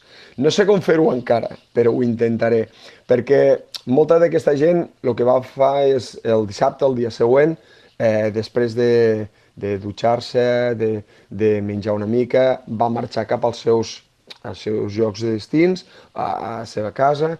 Eh, jo crec que hem de fer alguna coseta, un mes a més, perquè se puguin quedar i puguin gaudir no? de, de tot el que envolta el bandit, perquè és molt maco, jo crec que, que un cap de setmana com aquest, de que ho pugui superar una persona com, com és l'Andris, que l'haguessin pogut esperar tots els participants. Mm -hmm. Això he d'intentar de, de cavilar o, o mirar com, com és... Com motivar el, la gent, no? Com motivar la gent perquè s'hi quedi. No? El fet de quedar-se, no? Com fan mm. a la Barca Marathon, que es queden tots, potser perquè la distància, eh, sabem que és als Estats Units, que si hi ha molta gent de fora ja es queda tot el cap de setmana, doncs pues això ho he de motivar d'alguna manera. No sé com, Bueno, però potser, potser la motivació, potser, Marc, la motivació és veure que és possible, que hi ha algú que ho pot, eh, sempre hi ha algun mm. participant que pot quedar a les portes d'acabar i que la festa doncs, valgui la pena, no? És a dir, clar, si ja saps que és difícil que algú l'acabi, que ja veus que... Però si sempre veus que hi ha un, dos, tres participants que arriba, van passant voltes, la tercera, la quarta, i que arriba a la cinquena volta, potser ja és la, la, la pròpia prova, ja, ja és la pròpia motivació perquè els participants hi quedin, no sé, eh? Sí, però eh, moltes vegades mm, tot això és subjectiu perquè eh, mm, pots, pot, poden haver passat a la quarta volta quatre o cinc participants i, i llavors la gent diu, què fem ara, no? Tantes hores. És que és, sí, és, un és difícil, és difícil. Hores. Llavors és difícil. mm, Combinar aquestes situacions és molt difícil. Mhm. -huh. Llavors la gent, evidentment que està en un pont, també hem de, no hem d'oblidar que és un pont, que la gent vol marxar amb les seves famílies, els seus amics, i això és el que hem de, de veure, no? Quina conclusió podem treure? Potser no fer-ho amb un pont, potser seria ideal, perquè així també veus que, que la gent és un cap de setmana i ho pot utilitzar per estar aquí, per fer turisme, per anar amb un celler, per fer infinitat de coses que potser eh, hem d'acabar de, de, de, de, de tancar, no? que això és el que ens interessa. No? Eh, Marc, a veure, les últimes. Eh, 37 participants eh, van començar divendres a la nit, ja directament. Eh, són 37 participants. Quantes persones van eh, fer possible The Bandit? Quants col·laboradors, quants eh, voluntaris eh, estaven repartits, eh, comptant a tu, i que van Mira. fer, van fer possible que aquestes 37 persones poguessin gaudir i patir de, de, de Bandit? Eh, voluntaris, al llarg del cap de setmana, jo crec que unes 25 persones. Un, un, un, un mes amunt, un mes avall, però voluntaris que, que molts coneixem que són com el Ramon Ferrer, que, que està a totes les Montracín. curses, eh, que és un crac, eh, i si voleu llegir la seva crònica ho, bueno, ho diu tot i, i és molt interessant. Eh, llavors, eh, el Dani Bullo, que també és organitzador d'altres proves, eh, en Xavi Martí, que també és organitzador de Marató Priorat, en Sergi Abril, que també és organitzador de... Jo crec que eh, ja no és el voluntariat, és, és els amics i companys que tens al teu costat de que fan possible tot, a, tot aquest esdeveniment, d'acord? I jo crec que, a part d'això, és les col·laboracions que, que, que venen de, per part dels ajuntaments, tant de Capçanes com de Tivisa, el Consorci de Serra Lleveria, que ens, que ens permet aquests mapes que, que són eh, bueno, molt espectaculars perquè te defineixen tot, els camins, indrets i això, eh, els, els, els locals o comerços del mateix municipi com és Capçanes, els casals, els bars, tots col·laboren d'alguna manera o una altra, desinteressadament, tots col·laboren. Per què? Perquè és una prova gratuïta i solidària. I això és el que hem de ressaltar, no? Que es puguin recollir més de 1.000 quilos d'aliments en una prova com aquesta, pues, amb 37 participants, pues, diu molt d'això, no? I això és el que ens hem de quedar, no? Que a part d'això, eh, tindre la gent al darrere, com és en Conrad, com és el Sunto, com és la Goretti, el Ricard Baqués, aqu aquestes persones que són noms, que, que, que, que si escoltes l'últim post ho sabràs, Sí, tant. Llavors, evidentment que, que s'ha de ressaltar, no? no és una organització de que tens 1.000 persones al teu abast o que tens 500 per persones voluntaris que t'estan recolzant allà. No, aquí tens amics. I els amics eh, venen perquè ets tu. I, I no venen perquè organitze tal... No, això és una organització altruista, som persones de, de dia a dia que tenim la nostra feina, tenim la nostra família, i a més a més de tindre tot això, doncs ens agrada la muntanya, ens agrada l'aventura i fem aquestes coses per, no sé, congregar-nos o ajuntar-nos i que d'alguna manera també ho puguin di- gaudir la gent que ve de fora. Vale? Mm, Marc, i, i ara acabo. Uh, amb, amb la conversa amb l'Oriol, ha sortit uh, Andòmita, amb tu, uh, ja, ja fa uns quants programes, la primera temporada ja va, també va sortir Andòmita, vas fer un resum de què és, uh, va, explica'ns ara que s'apropa una mica la data, queda una mica, no? Per quan, explica'ns què és i, i quan eh, es durà a terme. En principi, què és? Eh, que, Què, què és? Eh, Potser no és la millor què és? pregunta. Ja ho saps el que és. És, és, una, és una bogeria teva, però... És una bogeria, eh, en teoria s'ha de fer per parelles, és una distància d'uns 420, 4- 430 quilòmetres, que travessa des de sud a nord, eh, sortint des de plaja, eh, a la Cala Gestell, que és d'on desembarcava en Carrasclet, ve l'origen de, de tot de Bandit, també, vale? Eh, l'origen és allò, vale? i ara ho volia d'alguna manera que reflexés, quedés reflectit en una prova diferent, i aquesta és l'endòmita, i surt de Calagestell i ha d'arribar a Andorra, Sant Julià de Lòria. Eh, com? Pues, eh, d'alguna manera seguir una ruta, no un track, una ruta, la qual estarà marcada amb cinc etapes, d'uns 80-85 quilòmetres cada etapa, i la qual hauràs de fer amb un company, amic, amiga, mm, qualsevol persona que tinguis eh, o que estigui tan boig com tu i, i evidentment pues, enfront, bueno, que tindràs eh, eh, parts tècniques, eh, parts més còmodes, eh, travessaràs molts punts emblemàtics. Jo crec que, que és el, el, el recull d'aquestes tres proves que he fet, com la de Bandit, la Longest Night i la de Peaks of the Sun. Jo crec que és el recull de tot això i és el que jo tenia en ment des de fa molts anys de poder fer una prova de distància llarga i la qual unís diversos punts al llarg del territori català. Uh mhm. -huh. I això per quan? Això es farà del 9 d'abril al 13 d'abril. Mm -hmm. Per Setmana Santa, al voltant de la Setmana Santa... Eh, sí, no... la Setmana Santa s'escauen aquelles dates, volem finalitzar el dimecres i dijous és sant, dijous sant. Sí, eh, o sigui que la gent... Amb, Seria que un vulgui, dia abans amb... de, de començar les setmanes. Sí, sí, o sigui que la gent que, que vulgui amb tres dies, que s'agafi tres dies o quatre de festa, sí. pot gaudir. Vale, I ara si hi ha sí, un, fem, un fem muntanyero eh, tan boig com tu o com l'Oriol i que vulgui participar, Uh, hi ha alguna forma de fer-ho? Encara no? Ja ho diràs a les xarxes? Sí, no, ja, ja tenim unes 30, 30 escats parelles. Eh, ja els hi vaig dir que el límit són 100 persones, és a dir, 50 parelles, eh, les quals han d'enviar un, un correu electrònic a, aquí, a un servidor, com és mfernandezci.yahoo.es, eh, i enviar el correu per què vol participar en Dòmita. Eh, tenim una pàgina web que és www.andomita.com on poden seguir les quatre proves, com ja ha sigut la de Bandit, la Longest Night, The Pix of the Sun i l'Andòmita, el que, lo que és i el que recull. I bé, i, i engrescats, i, i, bueno, i si tot va bé, pues a l'abril ens veurem en Dòmita. Mm -hmm. Doncs, eh, Marc Fernández, un cop més, un plaer aquests minuts eh, compartits amb tu aquí al Fem Muntanya. Eh, enhorabona per aquesta segona edició, tant de bo puguem eh, veure i gaudir una tercera, i, i ara a descansar una mica i a preparar Andòmita, que pinta fort, eh? Pinta molt fort. Eh, un descans crec que anirà força bé i sobretot eh, des d'aquí donar-vos les gràcies, Xavi.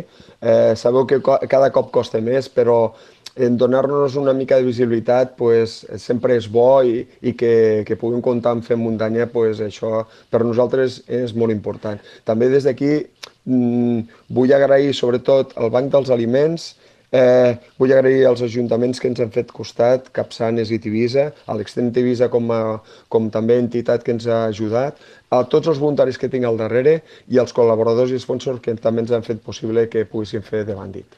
Sense, sense ells això seria impossible. I xerrar amb gent tan, tan trempada com tu o com l'Oriol doncs eh, dona plaer i crec que als oients també els agrada escoltar aquest tipus de, de converses, que per això hi som i també és una miqueta la, la idea del, del Fem Muntanya, donar a conèixer aquest tipus de, de proves que surten una miqueta del guió habitual, que són diferents i que, bé, eh, igual que hi ha gent que eh, doncs es mira per Netflix o per YouTube eh, documentals eh, ben xulos de, de la Barclay Marathon, que sàpiguen que aquí a casa nostra tenim eh, una prova com de Bandit, que doncs, eh, bueno, està basada en The Barclay. Vull dir que, que ho sàpiguen que hi ha aquesta possibilitat, que no cal viatjar tan lluny i que poden gaudir, tot i que han de seguir el Marc i veure com fer-ho a partir de...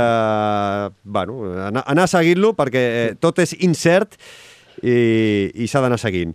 Marc, cuida't com sempre, moltes gràcies, ens veiem ben aviat. Una abraçada. Gràcies a vosaltres. Merci, una abraçada. Busca'ns i segueix-nos a Twitter, Instagram i a Telegram. El proper diumenge, 12 de desembre, arriba la novena edició d'una de les curses més dures que es corren ben a prop de Barcelona. La Neo Rural torna a Santa Maria de Martorelles una vegada més i per saber mm, per què any rere any és un èxit ens acompanyen dos dels responsables. Ells són la Rosa Manyosa i en Santi Barril. Benvinguts tots dos, Rosa i Santi. Hola. Hola. A veure, dono do, dues dades. 24 quilòmetres i 1.600 metres de desnivell positiu. Com us ho feu per tenir tant de desnivell en tants eh, pocs quilòmetres i, a més, eh, compteu que, que estem a la serralada litoral? Bueno, i a més a més, el, el punt més baix de la cursa és, són 250 metres i el més alt té 480. O sigui que puja, es puja i baixa entre 12 i 14 vegades. Déu-n'hi-do. I, i Un tot és i un, eh, és un recorregut, eh, diguéssim, que intenten fer tots els corriols que hi han eh, ben a prop de Santa Maria de, de Martorelles? Sí, sí, bueno, sí, encara, en- encara en queden, eh? se'n podrien afegir més. El que passa que bueno, intentem que, que, que, que el circuit tingui una, una mica de lògica dintre del, de lo il·lògic que és pujar i baixar tantes vegades. Uh -huh. Eh, L'any 2019 el guanyador va Sí. ser l'Oriol Prat, que la va fer en 3 hores i gairebé 8 minuts. Eh, Sí. Dona una miqueta de peu a, a veure que és una cursa que no és ràpida, no és una cursa que pe- pels que els hi agrada anar doncs, a, a 4 minuts al quilòmetre. Eh? Eh, no, vol es, pot, es pot córrer poc. Eh, eh, això vol dir que és molt tècnica? Sí, sí, déu nhi Sí, hi ha trams que costa, costa, que costa dir, avançar, no? Se, se pot fer llarg. Quin tipus de corriols eh, eh, en- ens trobarem? La veritat és que hi ha tot, perquè hi ha, hi ha zones amb, eh, de pi, de pedra, arrels, eh, bueno, està un, és, és bastant distret. No, no t'avorreixes gaire. I el fred, suposo, del desembre no... No, no, Anna, això és, Tenim, tenim bon clima. Tenim bon clima, ja, perquè tenim és- com sí. Un, un microclima que el, el primera hora al matí fa molt fred, però a la que pica el solet ja és agradable. sí, desembre, desembre no, no, és, no és dolent en allà. Potser a primera hora al matí tens una mica de fred, però de seguida puja la temperatura cap a 15 a 17 graus i s'està bé allà. I, i, I quina creieu, Santi i, i Rosa, que, que són les claus de l'èxit de, de la neu rural any rere any?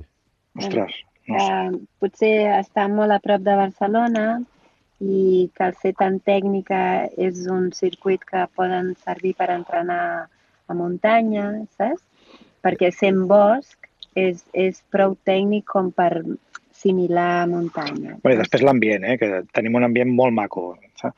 Al final doncs, tenim botifarrada, és una cursa de poble, tenim molts voluntaris, no sé, però trobo... A mi és una cursa que tant amb ella com a mi ens agradaria córrer. Sí, sí, Sempre ens sí. ho pregunten. I I vos- vosaltres amb quan ho feu? No, nosaltres no la fem. Nosaltres no podem, no? perquè estem organitzant. Però és una cursa que m'agradaria, o sigui, és una cursa que si, si, si no l'organitzéssim jo m'apuntaria. Mhm. I, I és una cursa apta per tot tipus de, de corredors o, per exemple, és més apta per corredors que els agradi les distàncies doncs els 30 quilòmetres, per exemple, eh, em poso un cas, eh, pel mes de gener i febrer, i que aquesta sigui una bona cursa doncs, per testejar-se i provar una mica la pretemporada, no? Clar, és, és, és perquè serveix d'entreno a coses més llargues. Però ja és un entreno prou dur, no? Exigent, perquè després puguis fer eh, uns 50 o 42 quilòmetres en una altra cursa. Mhm. Però ja te serveix com a entreno. I, I el recorregut és el mateix cada any o l'aneu endurint poc a poc? Alguns... Ara, aquest any l'hem rebaixat una miqueta. Uh, havíem, havíem anat endurint cada any, cada any, cada any. I vam arribar als 29 i es va començar a fer pilota eh, Sí, fins i tot era, nosaltres. era massa extrema. Sigui, amb 29, la veritat és que és complicat, perquè pensa que l'última edició van haver quasi els 2.000 positius, o sigui, ens vam passar. I vam decidir doncs, retallar una miqueta perquè al final, bueno, Perquè- perquè... potser era massa bèstia. Sí. Uh, De fet, nosaltres anant, anant a, a fer la volta per marcar el circuit, se'ns va fer pilota. I jo li deia, és que se m'està fent bola. Tant pujar i baixar. Eh, Arriba un moment que és massa. I- I, i- i- crec que... Ja sabeu que hi ha molts corredors que ja els hi agrada això, eh? Però bueno, vosaltres, Sí. vosaltres que teniu més experiència, ja, ja, ja, ta, també si a vosaltres una mica, en alguns punts ja s'us fa una mica bola, si sabeu Sí. interpretar aquestes sensacions, ajuda Sí. també a que la cursa flueixi Cre- millor, no? Sí, creiem que aquest any és el... Crec que tenim una mica el recorregut ideal aquest any, de, de que el, el que vol duresa la trobarà i la gent que diu, hòstia, ja no puc més, eh, no vull ja al tornar, final, no sé què, eh, pot, ja arriba al pot acabar final. dignament. Uh -huh. uh, has parlat, Santi, de, de, de voluntaris. Uh, de quants Sí. voluntaris estem parlant que donen un cop Ostres, de mà... Nosaltres tenim... Pues mira, de imagina't, per... 100 a 110. i més, No, més, no, més. no. 100, de 100 a 110. Mm. No, Sí, no. amb una cursa de 300-400 corredors, ostres, està superbé. El passat 15 d'octubre va obrir inscripcions, eh, ara fa sí. pocs dies. Com va el ritme Sí. d'inscripcions i, quan, i quin és el límit de, de corredors que podeu assumir? bueno, nosaltres, nosaltres podem assumir entre 300 i 400 corredors. 300 és, és una cursa que s'està molt bé i 400 potser és una mica massa que quan l'hem tingut amb 400 doncs vam dir, hosti, que no se'ns desmatri massa. No? Però... Més que res per, pels curiosos perquè, clar, que no, que no, no té pista, és una cursa que, que així doncs la, podem dominar, la podem dominar molt bé. A més, no, no fem ni cursa petita ni cursa gran, o sigui, ni cursa més gran, només fem una distància. O sigui, el que s'apunta a la neu rural ha de fer la neu rural. I això per nosaltres també és maco perquè t'obliga a, que, a que la cursa de veritat no? tothom l'hagi fet. No, no, el que vingui no podrà fer, no, és que vaig fer la 10. No, no, aquí només hi ha una. I, I com va néixer la, la, la, la neu rural? Bueno, ara fa 10 anys, l'any passat no es va poder mm. fer a causa de, de la pandèmia. Eh, sí. com, com va néixer la neu rural ara fa 10 anys i, i d'on ve el nom de neu rural? Bueno, perquè el poble té només 800 habitants. Va? I llavors el poble està com una mica... Com rural, no? Eh, Perquè està com una mica apartat de, ah, de, de pobles grans com Mollet o Granollers. Sí i, i com que nosaltres érem els nouvinguts... Diguem, no? O sigui, hi, havia, hi havia els nouvinguts que es miren el, es miren que el bosc rurals... i diuen, oh, que bonic, sí. no sé què, doncs els neururals són una mica així, no? Eh, I al canvi el del poble al rural, doncs et veu el bosc, però si només són arbres, no? De fet, quasi ni, va, ni anaven en aquella època a la muntanya els que ja vivien en el poble. I llavors, una, entre una conya amb uns amics que ens deien que érem com neorurals nosaltres, no? doncs vam decidir posar-li aquest, aquest títol. Ja la gent li diu la neobrutal, li diuen de tot, eh? Costa molt, li posen... Sí, sí, sí, li diuen de tot. Molt original. Doncs mira, fem una cosa. Si, eh, pels oients que, que ara mateix ens escolten, eh, si us voleu inscriure, ho podeu fer a través de la web laneorural.com i gaudireu d'una prova salvatge i dura i, com has dit tu ara, Santi, brutal. Eh, però estigueu atents perquè tenim dos dorsals per eh, regalar entre tots els fem muntanyeros i fem muntanyeres. Si voleu optar per un d'aquests dos dorsals, ens haureu d'enviar un correu electrònic a femmuntanya.femmuntanya.cat i ens haureu de respondre la següent pregunta. En quina comarca està Santa Maria de Martorelles? Eh? Aquesta és la pregunta que us llancem eh, i que heu d'encertar si voleu optar per un d'aquests dos dorsals. Eh, en quina comarca està Santa Maria de Martorelles? Teniu temps fins al proper diumenge 14 de novembre a les 12 de la nit i donarem el nom dels guanyadors o guanyadores en el proper programa, així que sigueu ràpids, eh, no us adormiu, busqueu la informació d'en quina comarca està Santa Maria de Martorelles. Molta sort a tothom i qui no tingui doncs, aquesta sort es pot inscriure a laneorural.com i allà hi serem eh, al Fem Muntanya gaudint d'aquests 24 quilòmetres i 1.600 metres de desnivell positius. Eh, esperem que continueu podent treballar a base de bé i ens veiem el proper 12 de desembre. Eh, Rosa Manyosa i Santi Barril, moltíssimes gràcies per acompanyar-nos. Cuideu-vos, moltes gràcies, una abraçada. A tu, Ens merci. Allà. Busca'ns i subscriu-te a qualsevol de les principals plataformes de podcast. Spotify, Apple Podcast, iVox, Google Podcast i moltes més.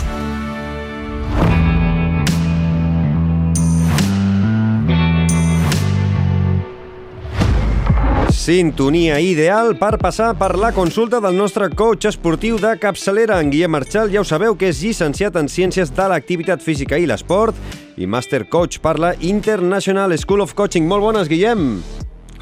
Molt bones, Xavi i família muntanyera. Avui veig que t'has inspirat en el debat encès que teníem a la comunitat de Telegram sobre els límits dels reglaments de, de les curses. Doncs sí, la, la veritat és que em va semblar un debat extraordinari que, que podia tenir moltes visions diferents i totes a, a, amb una gran part de raó. A veure, per posar en situació els oients que no estan a la comunitat Fem Muntanyera, que des d'aquí recomanem que, que hi accediu a través de l'enllaç eh, que trobeu a les notes del programa i també a la nostra web, posem una miqueta en situació. Mentre corria la passada mitja marató de, de Sant Llorenç, Eh, ara fa un parell de setmanes vaig anar molta, gran part de la cursa al costat d'una corredora capdavantera que rebia constantment el suport d'un company sense dorsal que corria amb ella i que li donava tot el que necessitava sense que ella hagués de portar doncs, pes, cap motxilla, ni aigua, ni gel, ni res. Per mi va ser una situació una opinió personal, eh, poc neta i justa, i els companys i companyes de la comunitat de Telegram també els va semblar una mica escandalós, eh? però m'imagino que tu no hi estàs del tot d'acord. Com em coneixes? Una mica.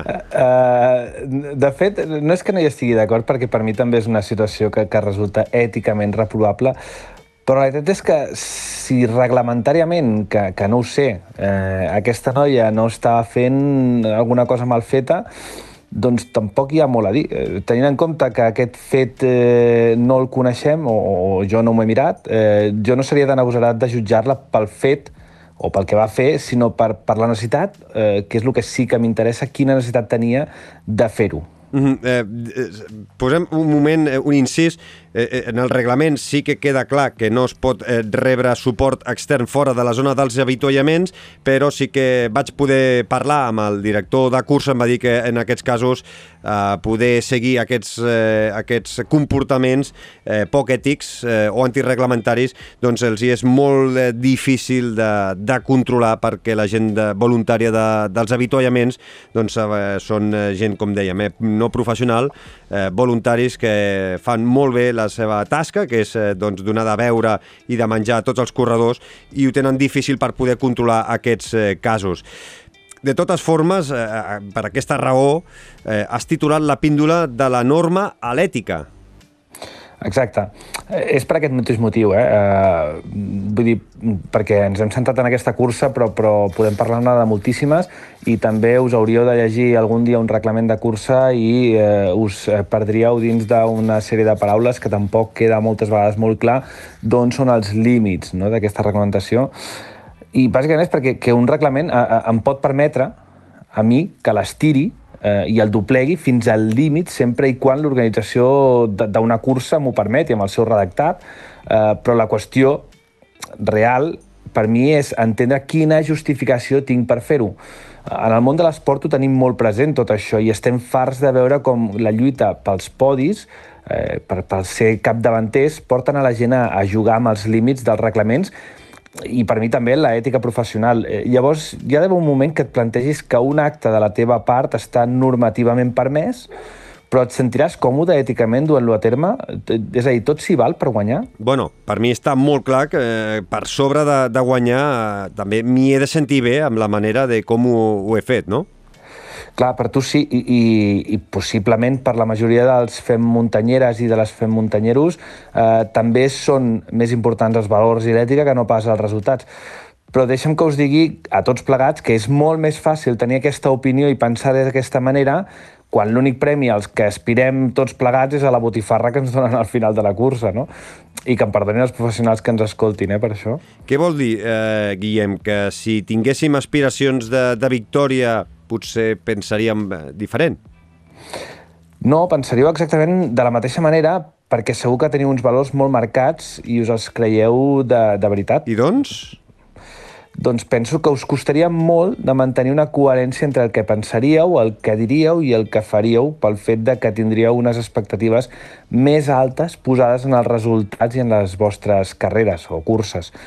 D'altra banda, el fet de que hi hagi premis de diners que complementin el sou dels participants que tenen la sort de viure d'això també fa que, que, que aquesta coherència es, es vegi molt compromesa moltes vegades. Eh? I per últim, per mi també succeeix que no es competeix sol i que la resta de participants poden actuar de manera diferent dins del reglament, també, però amb la possibilitat real de que obtinguin més avantatges, cosa que comprometria els dos aspectes dels que hem parlat anteriorment.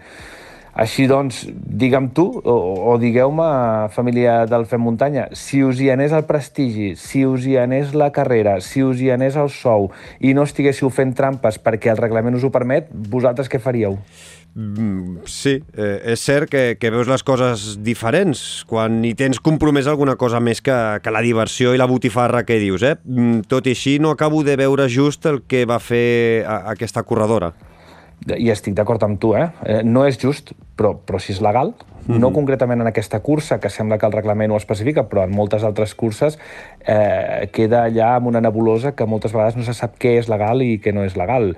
A mi tampoc em sembla just, per exemple, que els professionals tinguin a persones a les zones d'avituallaments per fer-los canvi de motxilla amb tot incorporat i que no s'hagin d'aturar ni un moment, però, però no deixa de ser legal, no? Per mi aquest fet també atenta contra el principi d'igualtat que ha de preservar la prova, però si l'organització ho permet, jo no hi tinc res a dir.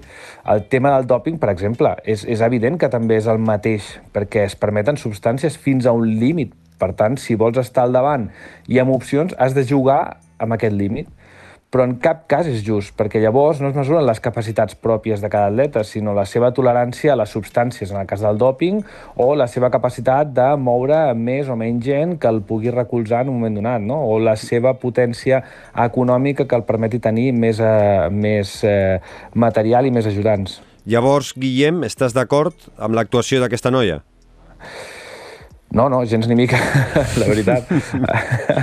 No, no, per mi aquesta noia és mereixedora de que la seva ètica li faci entrebancar-se i trencar-se tíbia i peroné, eh? però reglament en mà, eh, si diu que, que, que això no és així, doncs no puc estar-hi en desacord, clar. Ben bé que m'ho poses complicat perquè hi ha vegades que ara mateix no sé en quina, quina és l'opció que, que defenses, eh? En realitat, eh, el que no vull és posar el focus sobre aquesta noia perquè ella només és responsable de la seva imbecilitat i, i prou feina té amb això.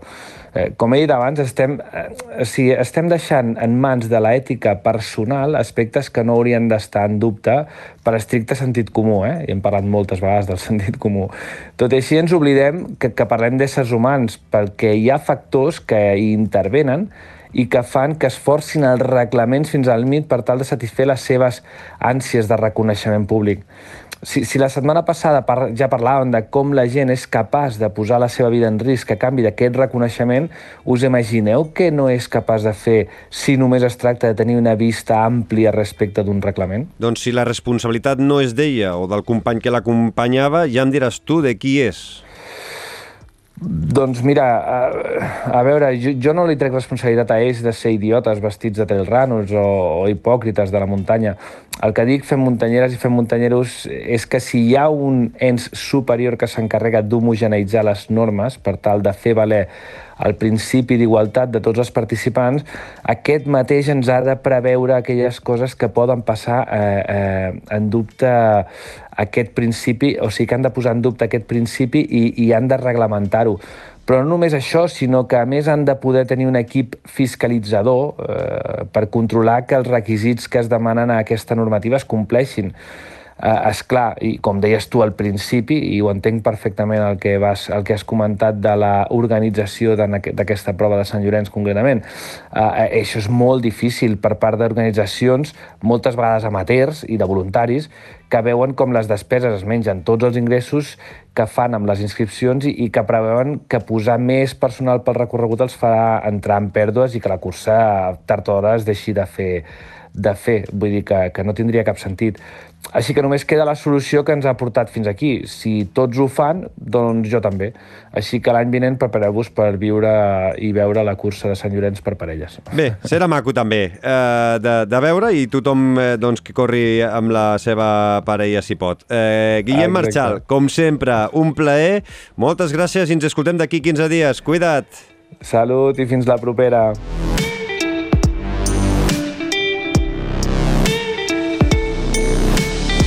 Subscriu-te al podcast de Fem Muntanya.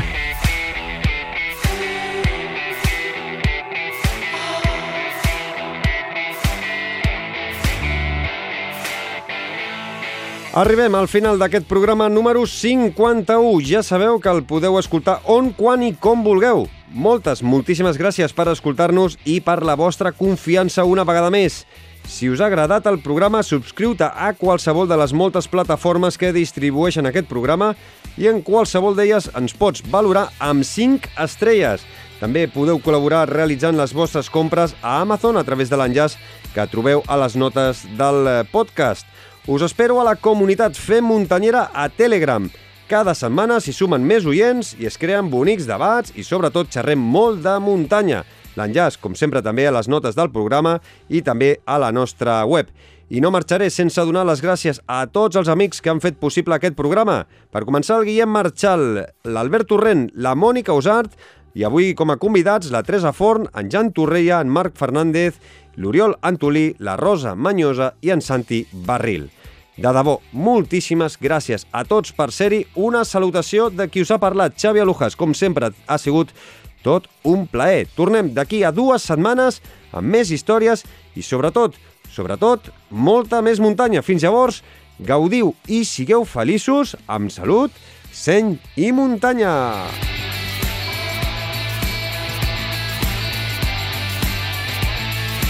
Fem muntanya, l'esport outdoor en català.